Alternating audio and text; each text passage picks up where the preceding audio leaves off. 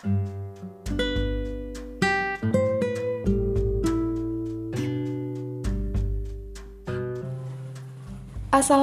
warahmatullahi wabarakatuh. Perkenalkan, nama saya adalah Ustazah Esa. Saya berasal dari Madrasah Alia Sahid, Pondok Pesantren Modern Sahid.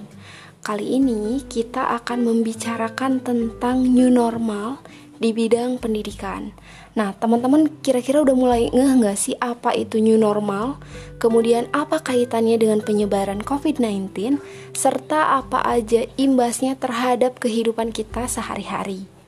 Kalau belum, Ustazah sarankan kalian untuk mulai mencari informasi tentang new normal ini Karena mau tidak mau kita harus berhadapan dan mulai beradaptasi dengan penyebaran virus di tengah pandemi seperti ini Oh iya, new normal sendiri sebenarnya adalah sebuah skenario untuk mempercepat penanganan COVID-19 dalam bentuk perubahan perilaku kita untuk menjalankan aktivitas secara normal dengan tetap mengikuti protokol kesehatan. Tujuannya itu untuk apa sih? Tujuannya adalah agar perekonomian masyarakat ini bisa tetap berjalan, namun penyebaran COVID-19 juga dapat ditekan dengan maksimal. Nah, skema ini dapat diterapkan di tempat kerja, di sektor pelayanan publik, industri, dan sekolah. Beberapa daerah yang akan menerapkan skema new normal ini di antaranya adalah DKI Jakarta, Jawa Barat, Sumatera Barat, Gorontalo, dan ada sekitar 25 kabupaten dan kota yang akan mengikuti. Ternyata, skema new normal harus mempertimbangkan banyak hal, apalagi jika diterapkan di bidang pendidikan. Hal tersebut terkait dengan anak-anak sebagai penerus bangsa yang harus dilindungi dari penyebaran COVID-19. Menurut data dari IDAI atau Ikatan Dokter Anak Indonesia, ternyata jumlah kasus COVID-19 terhadap anak itu cukup besar juga. Ada sekitar 3.324 PDP, kasus positif 584 dan korban meninggal anak itu ada sekitar 14 anak. Jangan sampai nih kasus ini bertambah dan menimbulkan masalah baru yaitu meningkatnya kasus COVID-19 dari klaster pendidikan.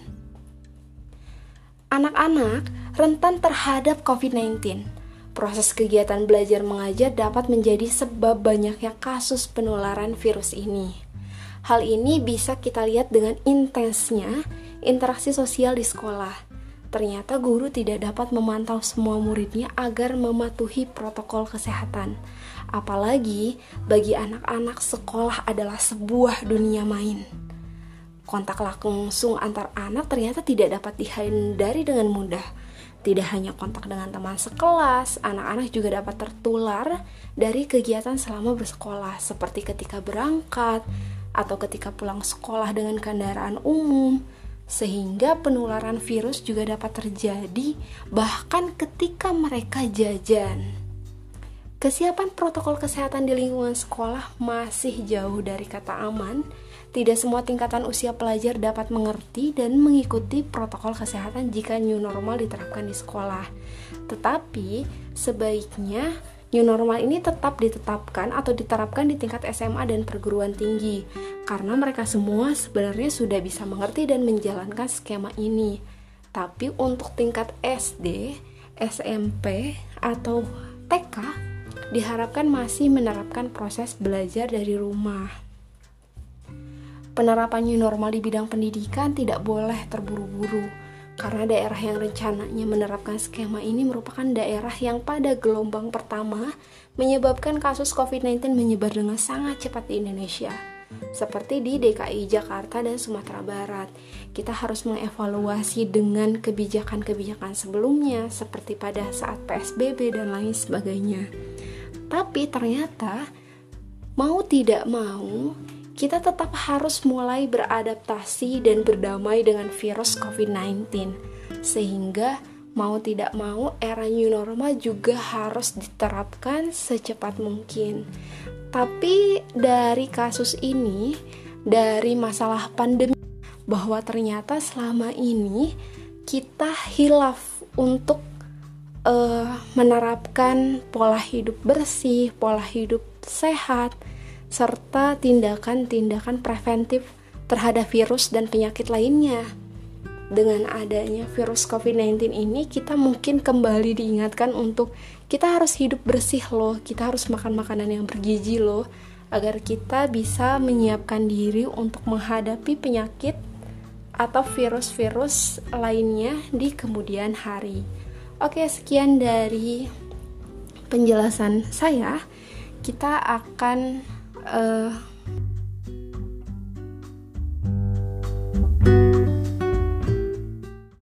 Teman-teman, kali ini aku mau share tentang batuan sedimen. Batuan sedimen itu adalah batuan yang terbentuk di permukaan bumi pada kondisi temperatur dan tekanan yang rendah. Nah, batuan ini biasanya berasal dari batuan yang lebih dahulu terbentuk, terus dia mengalami pelapukan, erosi, kemudian diangkut oleh air, udara, atau es. Yang selanjutnya itu akan diendapkan dan berakumulasi di dalam cekungan pengendapan, lalu membentuk sebuah sedimen. Material-material sedimen ini kemudian terkompaksi, mengeras, mengalami litifikasi dan terbentuklah batuan sedimen.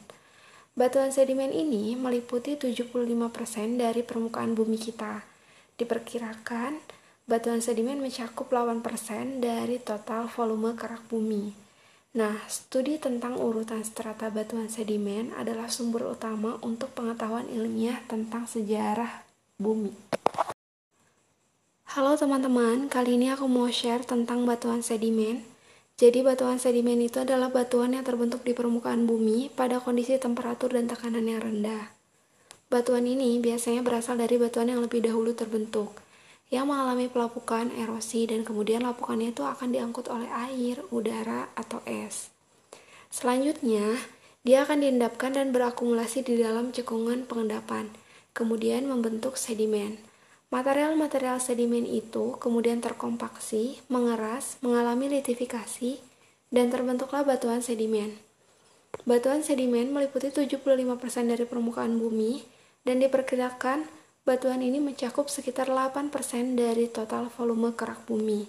Studi tentang urutan strata batuan sedimen adalah sumber utama untuk mengetahui ilmiah tentang sejarah